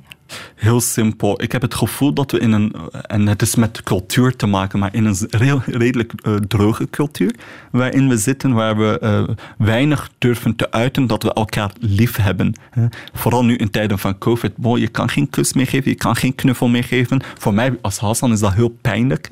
Maar de realiteit is dat uh, vaak ook gewoon een bedrijfsleider tegenover zijn werknemer het niet echt durft om lief te hebben aan elkaar. Omdat er vaak ook wordt gedacht aan bepaalde andere zaken die mogelijk hè, kunnen uitlekken.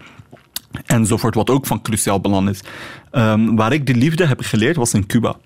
Ik was daar voor een project gegaan uh, en we gingen dan in een organisatie binnen. Um, en we zaten daar en dat was de koffievrouw. Letterlijk de vrouw die zich enkel bezig hield met het uitdelen van de koffie. Hè?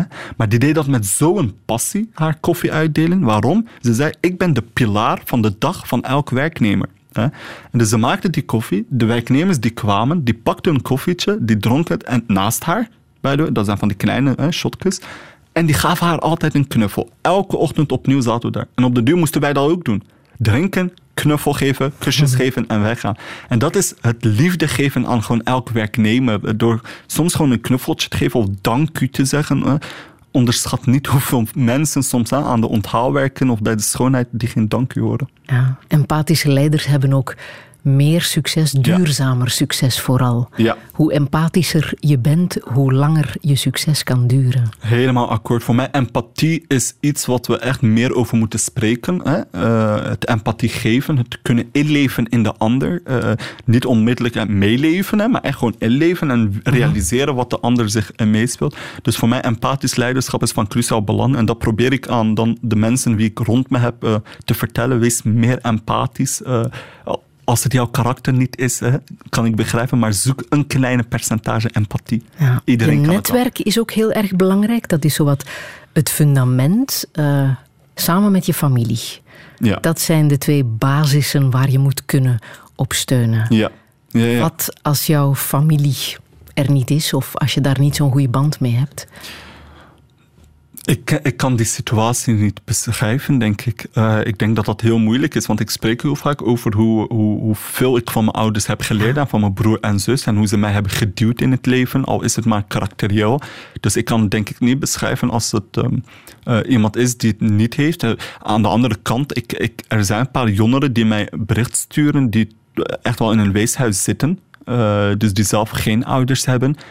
en die mij dan, er is zo eentje hier ook, niet ver van hier, Um, die mij dan echt als een rolmodel zien. Uh, en dat is dan, denk ik, vind jouw eigen gezin. Creëer jouw eigen uh, gezin. Nu niet over de weeskinderen, dat is een ander verhaal. Bij vrienden of bij, collega's. Ja, bij vrienden of collega's of gewoon netwerken. Een ja. tip die ik altijd zeg is, durf gewoon te connecten op LinkedIn. Hè? Al is het maar digitaal, maar als jij met een bepaalde idee zit rond een bepaald industrie en sector, stuur een berichtje naar de nummer 1, de nummer 2, de nummer 3 met een verhaal. Niet gewoon sturen een uitnodiging, maar te zeggen waarom ik jou uitnodig tot mijn netwerk. En je gaat zien dat heel veel mensen dan hun handen uh, of hun armen openzetten. En ik heb dat ooit in Kortrijk als advies gegeven aan jonge ondernemers. En iemand heeft daardoor een contractje gewonnen. Omdat hij ja? dan een LinkedIn berichtje stuurde naar een andere.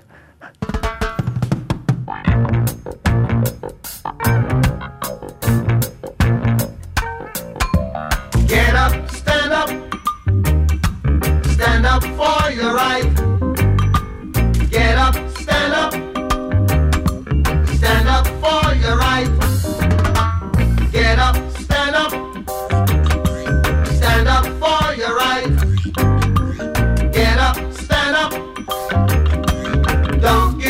The fight. Preacher man, don't tell me heaven is under the earth. I know you don't know what life is really worth. It's not all that glitter is gold.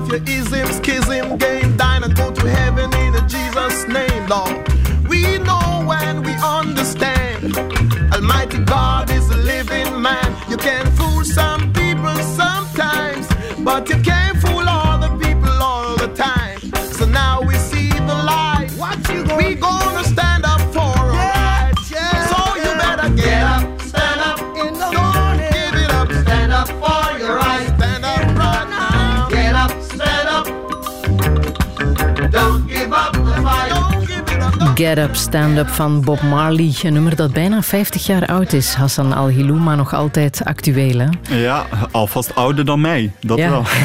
Dubbel zo oud. Waarom wou je het laten horen? Eh, allereerst Bob Marley eh, zelf. Hè. Dat is een, eh, een topartiest. Ik denk, ja, hadden wij nu een Bob Marley hier uh, in België. Uh, dus als artiest zijnde vind ik hem een prachtig. En dan het muziek zelf over stand up for your rights uh, vind ik belangrijk. Hè? jouw eigen rechten verdedigen.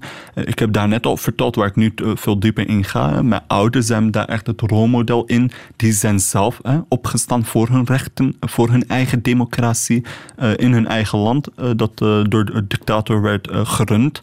Um, als een jonge koppel. Hè? En ik vind het heel inspirerend hoe zij het vertellen. Van ja, ik en jouw vader, hè, zegt mijn moeder, we gingen samen hand in hand hè, en dan betogen. Hè, tegen, en uh, het impact daarvan is van cruciaal belang. Want aan het eind van de dag, wij de mensen, de individuen, als we bij elkaar komen als collectief, de grootheid van impact die we kunnen leveren, of het nu op politiek is of op andere zaken, is gigantisch.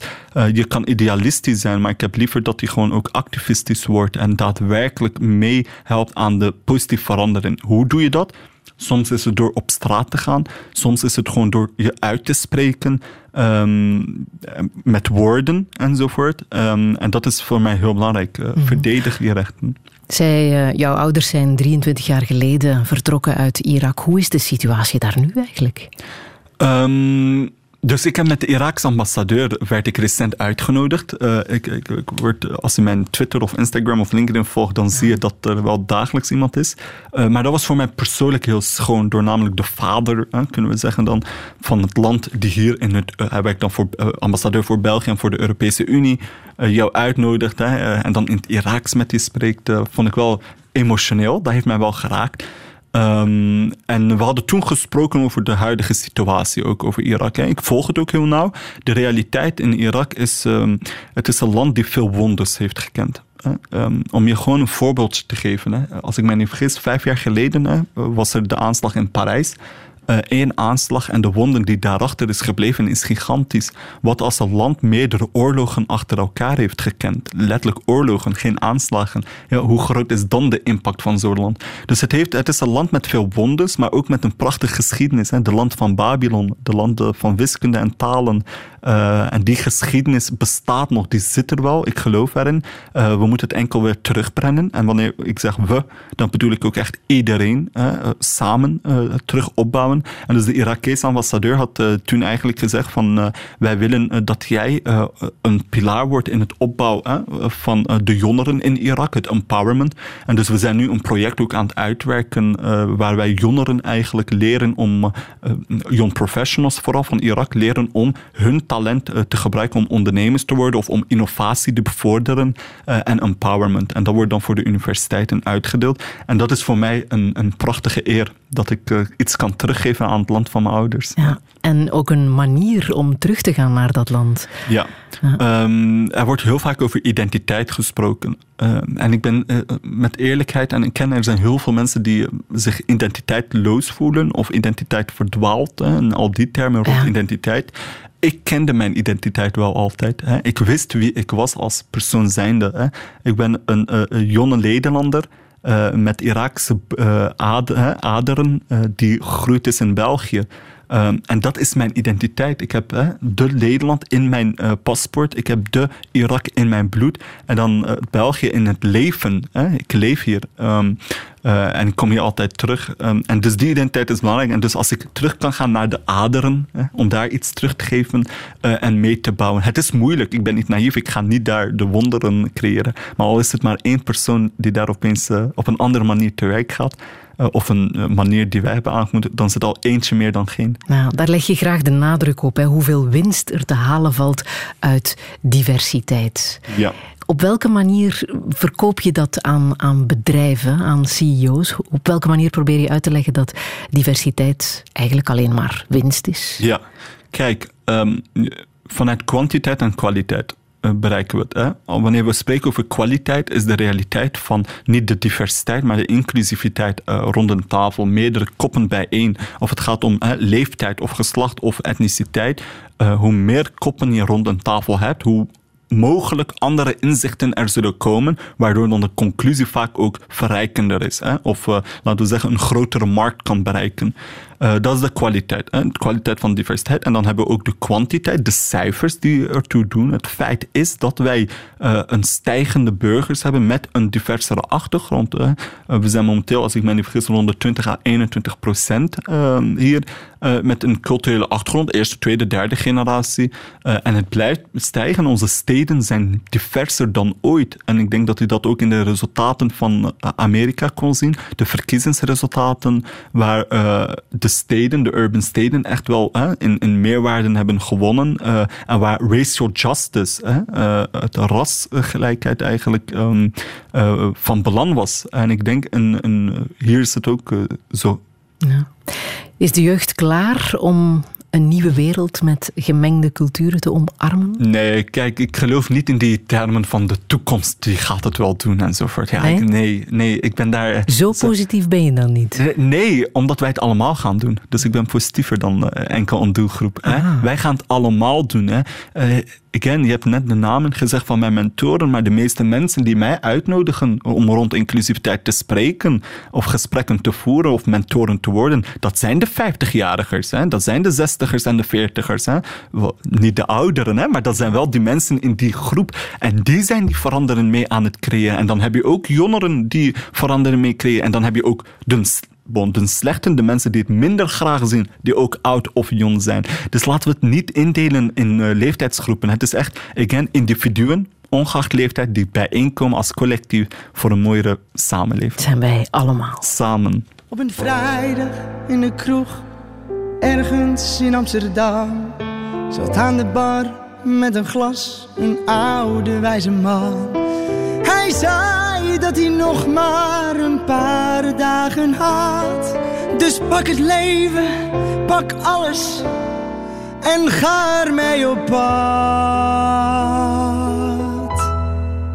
En hij zei: Leef alsof het je laatste dag is. Leef alsof de morgen niet bestaat. Alsof het nooit echt af is. Een leef, pak alles wat je kan en ga.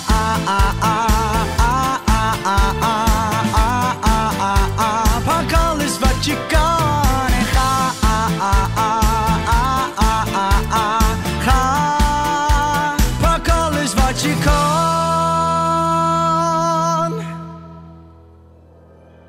Hij vertelde dat hij zich had gewerkt in het zweet.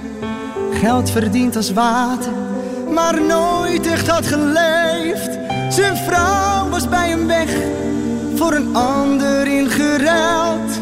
Af en toe gelachen, maar veel te veel gehuild.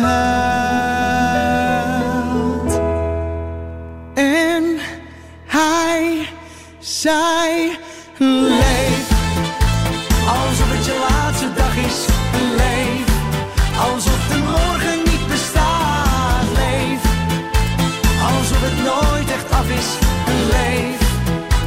pak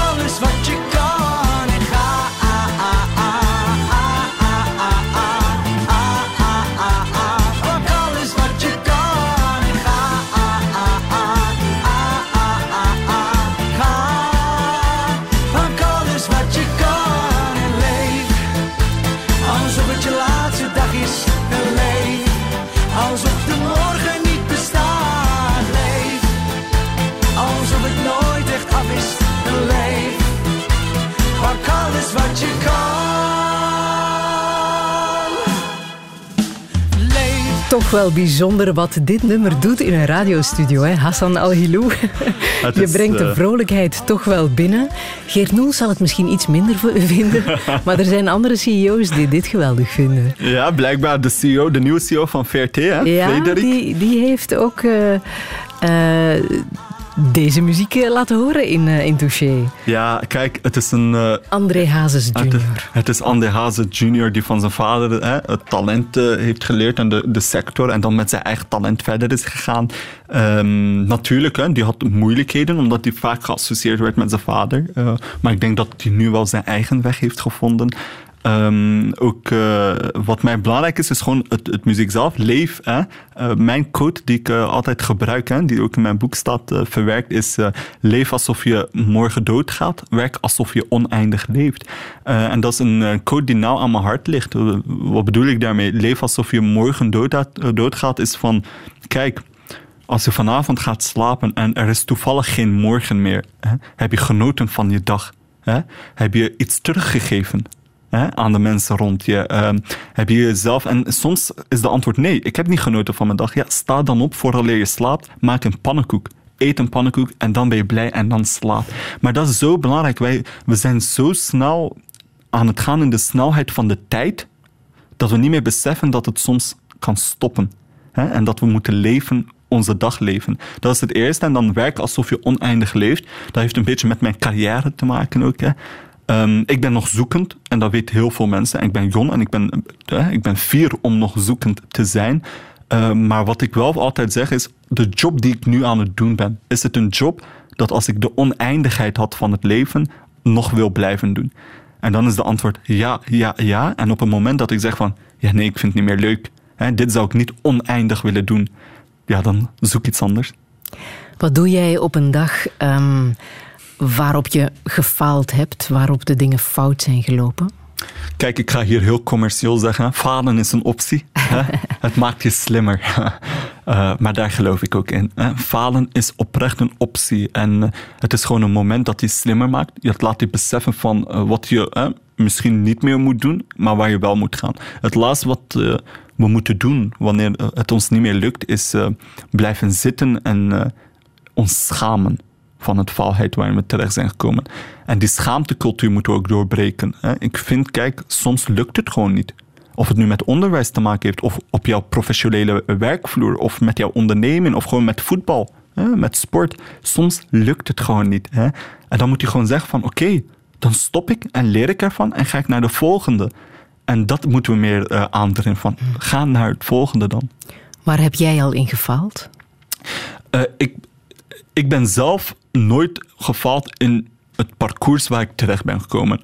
Educatief, uh, sociaal, uh, economisch heb ik echt wel zitten bouwen, bouwen, bouwen. Um, waar ik echt wel ja, wat goed is. En ik, ik ben nog jong, hè. vergeet niet. Uh, ook mhm. jong qua ervaring. Hè. Wat betekent dat er nog vele jaren voor me zal komen waar ik misschien wel zal falen. Dan zal ik deze uh, reportage weer terugluisteren en zeggen, ah ja, Hassan, ooit heeft, heb je dat gezegd.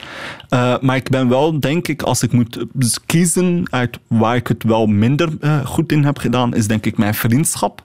relaties is dat ik zo vaak um, zodanig bezig was met, met het professionele wereld, het uh, economisch. Ik, had ook geen, ik heb geen tijd. Ik ben iemand die echt uh, 10, 11, 12 uren per dag gewoon bezig is. Vergeet niet, te combineren master met een succesvolle business, met een succesvolle organisatie enzovoort. Um, waardoor ik minder tijd heb voor mijn vrienden. Uh, en dan heb ik op een bepaald moment gezegd, dus daar heb ik denk ik op de eerste jaren van mijn succes gefaald met mijn vrienden. En daar heb ik nu een oplossing voor gevonden. Uh, en dat is gewoon door uh, een dagje per week, nu is het minder mogelijk, hè, bon, digitaal wel mogelijk, maar een dagje per week gewoon ergens uit eten te gaan met die vrienden. Hè. gsm weg en even in gesprek te gaan met hun. Hetzelfde doe ik met mijn familie. Hè? Een ontbijtje waar ik dan het gsm wegdoe en gewoon focussen op de mensen die ik lief heb. Dat is een belangrijk detail, die gsm ja. Ja, ja, ja, je ziet het. Hè? Ik bedoel, again, nu in onze pauze heb ik ook op mijn gsm gekeken. Hè? De berichten, uh, again, bedankt voor iedereen die mooie berichtjes aan het sturen Verslavend, hè? Het is verslavend, en het, maar het is ook schoon, hè? want... Uh, ik weet niet hoe het vroeger was, uh, maar het is mooi om te zien wie jou steunt, wie je motiveert. Social media heeft mij ook heel veel geholpen vooruit. Uh, want het vergemakkelijkt veel zaken. En ik moet je niet ontkennen, uh, mijn moeder, als, uh, toen ik nog een kind was, hoe zij moesten communiceren met hun familie in Irak. Ja, dat was via een telefoontje aan de winkel, waar ze veel geld aan moesten uitgeven. Terwijl het nu gewoon, wanneer ze maar willen, via WhatsApp een telefoontje kunnen plegen. Dus het laatste wat ik ga doen is ondankbaar zijn tegenover de technologie. Ik ben echt heel dankbaar. Maar soms moeten wij in de wereld van het alles kunnen doen, even ook gewoon kunnen doen om gewoon emotionele relatie op te bouwen met de mensen rond echte je. gesprek. Fysiek. Ja, een echte fysieke gesprek. En dan doe je gsm weg. En dat doe ik. Dus ja. uh, falen, maar ik heb ervan geleerd. Hm.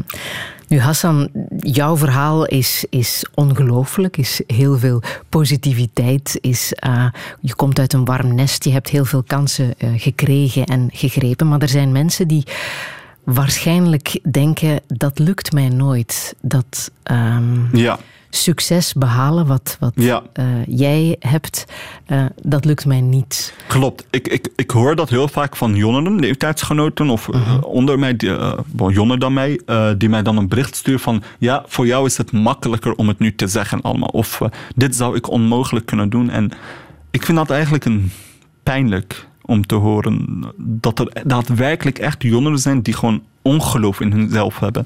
Want wat Ook maakt... die vriend van jou waar je over schrijft in je boek, hè? Ja, ja, ja. ja. Dus uh, de plekken, en die is nog steeds in die wereld, er zijn zodanig mensen... Kijk, ik heb, ik heb echt geluk gehad. Mm. Dat klopt. Hè? Uh, ik heb geluk gehad en ik heb uh, ervoor gezorgd dat ik ermee door mijn achtergrond het een goed verhaal kon maken. Er zijn jongeren die in heel minieme situaties zitten, die die geluk niet hebben. Maar ik vind het pijnlijk, again, dat ze niet in zichzelf geloven. En dan is de vraag van, hoe komt het? Komt het door de ouderlijke nest dat, het, uh, dat de ongeloof wordt gegeven hè, uh, aan hun? Komt het door de educatieve nest waar het vaak wordt gekeken naar wat minder uh, goed was dan wat meer goed? Ik weet het niet, ik heb daar geen antwoord voor. Hoe komt het dat die vriend van jou ja. aan de drugs is geraakt? Um, ja, omgeving, hè. Um, omgeving. Ik denk dat hij een andere verklaring zou geven als mij. In mijn ogen heeft het echt te maken met omgeving. Het zijn, zijn dat vrienden? In mijn ogen niet, maar jongeren uh, rond hem uh, die mee hebben getrokken naar beneden. Dat is mijn verklaring, hè, die mee hebben getrokken naar beneden. het gaat vaak om jongeren die zelf geen mooie stappen in hun leven hebben kunnen zetten door omstandigheden die verwaarloosd zijn en dan eigenlijk ook anderen mee naar beneden trekken. Dat is de realiteit ook, een sociale cultuur. Uh, indirect hè, meetrekken. En dus voor mij is het uh, ja, de, foute, de foute vriendschap die hij heeft uh, geslaan. En op welke um, manier probeer jij een goede vriend te zijn ja, voor hem? Ik, ik heb daar heel veel energie aan uitgegeven toen. Hè. Ik was toen in de succes van mijn eigen... Uh, om gewoon even heel de anekdote te vertellen. Ik was hier in VRT zelfs nog die dag. Uh, in deze gebouw. Uh, en ik kreeg een bericht van zijn vader. Ja, mijn zoon is al 24 uur niet naar huis gekomen. Weet jij er iets van? En ik zo van, ja nee, ik kom eraan. Hè. En dan ben ik onmiddellijk van deze gebouw naar de wijk geweest om te, mee te zoeken uh, naar die persoon. En die was daar aan het uh, rollen hè, uh, op de straat. en die, die ging weg, die vluchtte weg van mij. Die zag me en die vluchtte weg. Ik ken schaamte. Um, en ik heb daar dus heel veel tijd en energie aan uitgegeven. Om te, ik voelde alsof ik gefaald was. Van hoe komt het dat ik. En ik, ik bedoel, ik was toen nog 17 of zo, hè, of 16. Hoe komt het dat ik die persoon niet mee die succes kon laten genieten. En dat speelt tot vandaag echt heel nauw. Er zijn zoveel mensen die met mij zijn opgegroeid, die mij bericht sturen, die in zo'n wanhopige situatie zitten.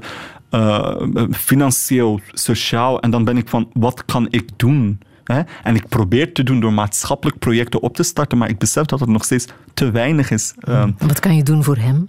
Wat probeer je te doen voor hem? Um, nu hebben wij, dus ik heb een moment, we hebben een moment even rust genomen in onze uh, relatie, omdat het echt tijdslorpend was. Um, en nu hebben we elkaar teruggevonden, waar we echt rustig weer gesprekken aan het voeren zijn. En ik probeer die te begeleiden in uh, zijn eigen doel. Dat is doel. Die is ook een persoon die heel uitzichtloos is, die geen doelen heeft in het leven. Bon, geen doelen weten te hebben in het leven. En we zijn nu stapsgewijs echt aan het zeggen van oké, de eerste stap. Wat kunnen we zetten? Een nieuwe opleiding, een nieuwe uh, mogelijke interim of, een, uh, of echt een klassieke opleiding volgen. Hè? Want niet alle opleidingen hoeven klassiek te zijn. Hè? Je moet ook gewoon hè, coderen. Hè? Dat doe je in zes maanden. Dan moet je ook durven te gaan. En dus ik hoop om. De, ik denk als, als die persoon ooit financieel onafhankelijk wordt. Uh, dat dat wel mijn mooiste succes doorheen mijn jaren is geweest. Echt wel. Ja. Ja, en het belangrijkste is dat hij jou altijd kan bereiken. Hè? Dat zeker. Ja, ja. Dat is al een begin. Um, ik zeg nu wel dat het een en al uh, succes is, jouw verhaal. Maar je bent ook wel eens in het ziekenhuis terechtgekomen. Hè? Toen ging het helemaal niet zo goed. Ja. Wat was er toen gebeurd? Ik leid aan uh, stressaanvallen. wat betekent dat ik niet echt mijn stress kan beheersen. Uh, dan de ene zegt ja, gezonde stress of negatieve stress. Ja, nee, bij mij de stress vreet mijn lichaam. Eh, wanneer komt die stress? Dat komt bij bepaalde zaken waar ik geen controle over heb. Een examen. Bijvoorbeeld, ja, dan kan je zeggen, ja, dan studeer je ervoor. Hè, dus je hebt wel controle, maar in mijn ogen niet, want de vragen die worden gegeven hè, zijn onverwachts in termen. Dus bijvoorbeeld een examen afleggen is iets wat mij laat trinnen de hele dag tot en met eh, echt de overgeven enzovoort. Uh, wanneer, een wanneer bijvoorbeeld, we zitten nu met een nieuw maatschappelijk project, hè, Capital bijvoorbeeld. Uh, indien iemand iets meer over wilt weten, hè, die kan me altijd een bericht sturen, een beetje reclame, dat mag ook soms. Uh, maar dus in verband met die project, hè, we zijn afhankelijk van de bedrijven die het moeten financieren. Again, dat is iets waar ik geen controle over heb. Dus als ik een bedrijf contacteer en die zeggen we gaan erover nadenken, dan zit ik dagenlang echt met stress. Uh, en hoe uitzicht dat dan? Wat voor stress voel je dan? Ja, dus wat voel ik dan? heel simpel. ik begin heel hard te, te te, be, be, uh, te trillen, te, te beven. Trillen, ja. te, te, beven, hè, te trinnen. Um, ik kan dan niet echt met mensen spreken. Uh, en dan heb ik ook een heel zware misselijkheidsgevoel. En ik ben daardoor ook op een bepaald moment in het ziekenhuis terechtgekomen. Uh, waar ik dan ook een interne infectie heb gekregen uh, door die stressaanvallen. en ik probeer het wat te beheersen. En again, het is niet zo'n issue. Het is denk ik echt aan mij om het te kunnen beheersen en te zoeken hoe ik ermee kan omgaan. Um, maar ik ben nog zoekend. En again, waar heb ik dan stress niet bijvoorbeeld? Ja, als ik uh, aan een strand lig. Hè? Uh, of als ik uh, op een paard aan het rijden ben. dat zijn de momenten waar, waar het weggaat.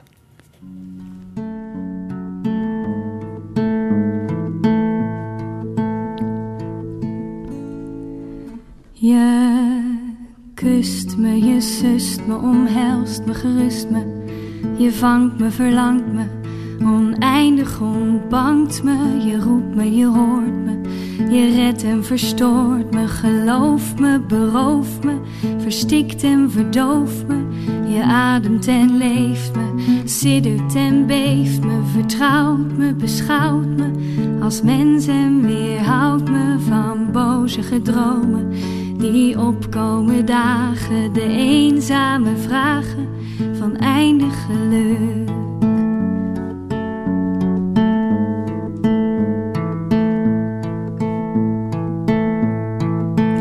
Met je krullen als nacht, hoe je praat, hoe je lacht, hoe je stem zo dichtbij als een engel verzacht.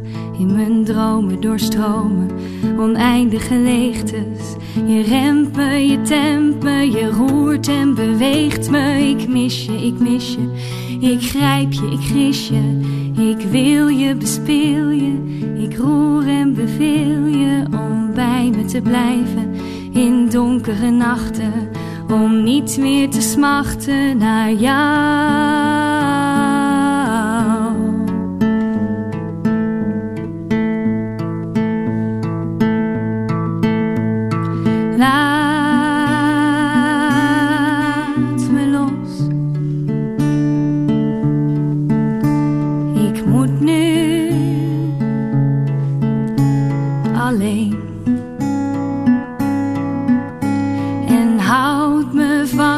Het nodig is in gedachten en ik zoek je in alles om me heen. Maar al denk ik soms dat het zo beter is, kan ik het niet helpen dat ik je soms mis. Oh,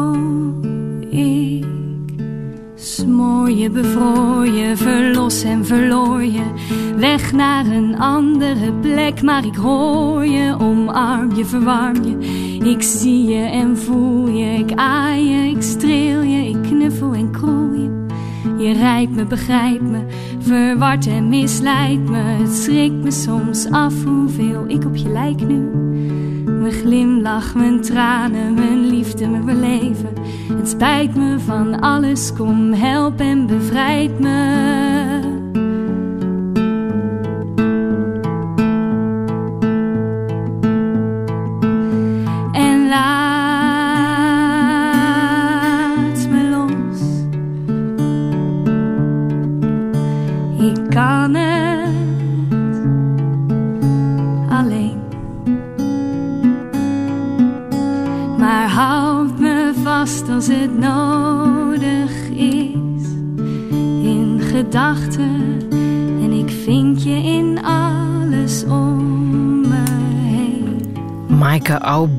Ze werd bekend dankzij de beste singer-songwriter in Nederland.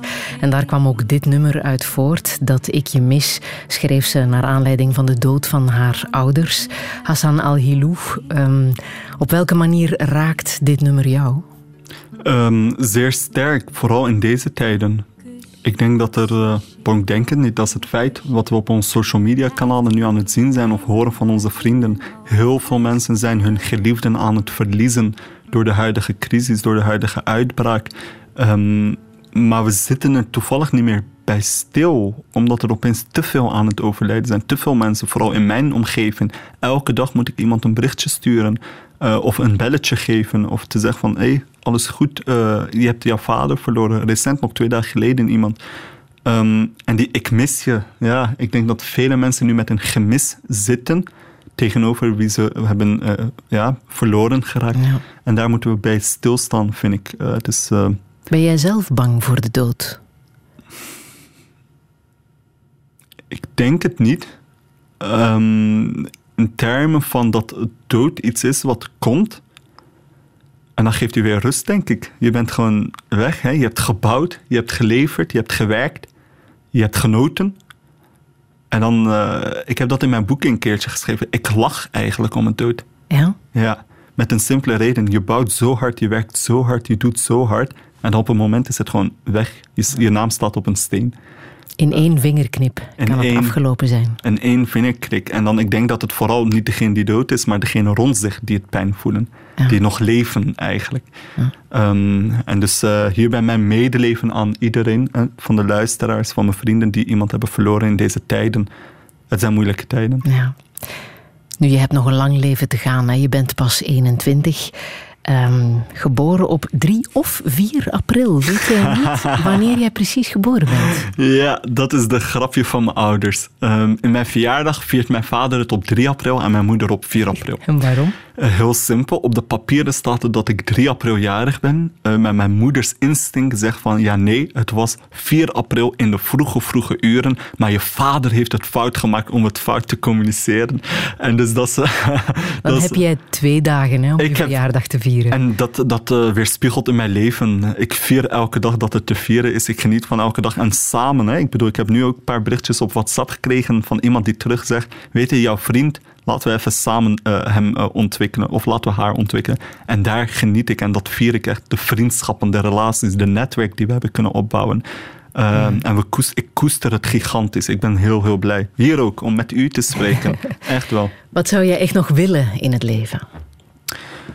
Dat is een moeilijke vraag. Kijk, het menselijke instinct wil altijd meer. Hè? Tenzij je een of ander heilig bent misschien. um, dus je wilt meer. Uh, de vraag voor jezelf, is... Hè? Voor jezelf, ja. persoonlijk. In jouw persoonlijke leven. Ik denk dat ik vooral iets wil bouwen. Hè? Denk ik, iets wil bouwen dat echt van zichzelf een... Um, van zichzelf mensen kan helpen. Echt waar, uh, het gebouw die ik nu heb opgestart, Capital, ik hoop echt oprecht dat het ooit overal rond de wereld zal bestaan gelijkaardig projecten of andere soorten projecten die gewoon jongeren die uitzichtloos zijn in het leven te helpen in een zicht te krijgen in hun toekomst. En dat, is, uh, dat koester ik oprecht. Er zijn zoveel problemen, zoveel verhalen, zoveel jongeren in moeilijkheden.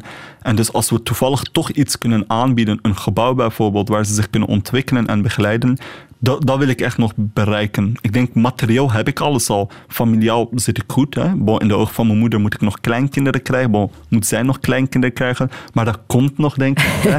Daar maar, wordt aan gewerkt? Uh, ja, nee. Uh, ik ben nog 21. Hè? Genietend uh, van mijn leeftijd. Uh, maar ik bedoel echt wel iets, iets geven dat anderen kan ontwikkelen. En ik denk, ik geniet ook van de passie wanneer ik anderen zich zie ontwikkelen. Ja. Heb jij politieke ambities? Een heel goede vraag. Ik zeg nooit nee. En dat is een heel politieke antwoord. Uh, het feit is wel dat wanneer ik naar politiek kijk, zie ik toptalenten die daar bezig zijn. Ik heb ook veel vrienden in de politiek. Hè. De Alexander de Croo, de Egbert Lachaar, de Sami Mehdi, uh, uh, enzovoort, enzovoort. Hè. Ik ga nu niet alle namen opnoemen, hè, want dan... Uh, ik volg jullie wel op Twitter, hè, beste politici. en zij volgen jou. Ja, ja. en ik vind, ik vind ze allemaal topmensen en ze doen hun werk echt vanuit passie. Ik denk als je in politiek stapt, stap je vanuit passie. En anders stop je ermee. Maar ik denk dat we niet altijd, wanneer je een maatschappelijke ontwikkeling wilt creëren, je toevallig in de politiek moet zitten. We doen het, het samen met Het kan ook in andere sectoren. Het kan in andere sectoren. En ik denk waar ik nu zit, vanuit mijn onafhankelijkheid, met de steun van de politiek, dan lukt het wel. En daar geniet ik denk ik vandaag de dag veel meer van. Ja. Welke boodschap wil je hier nog meegeven? De boodschap aan de luisteraars? Um, heb elkaar lief. Ga nu uh, jouw familie, je huis knuffelen. Je kan jouw familie verder niet meer knuffelen. Maar knuffel je familie, stuur berichtjes naar wie je lief hebt, dat u van ze houdt.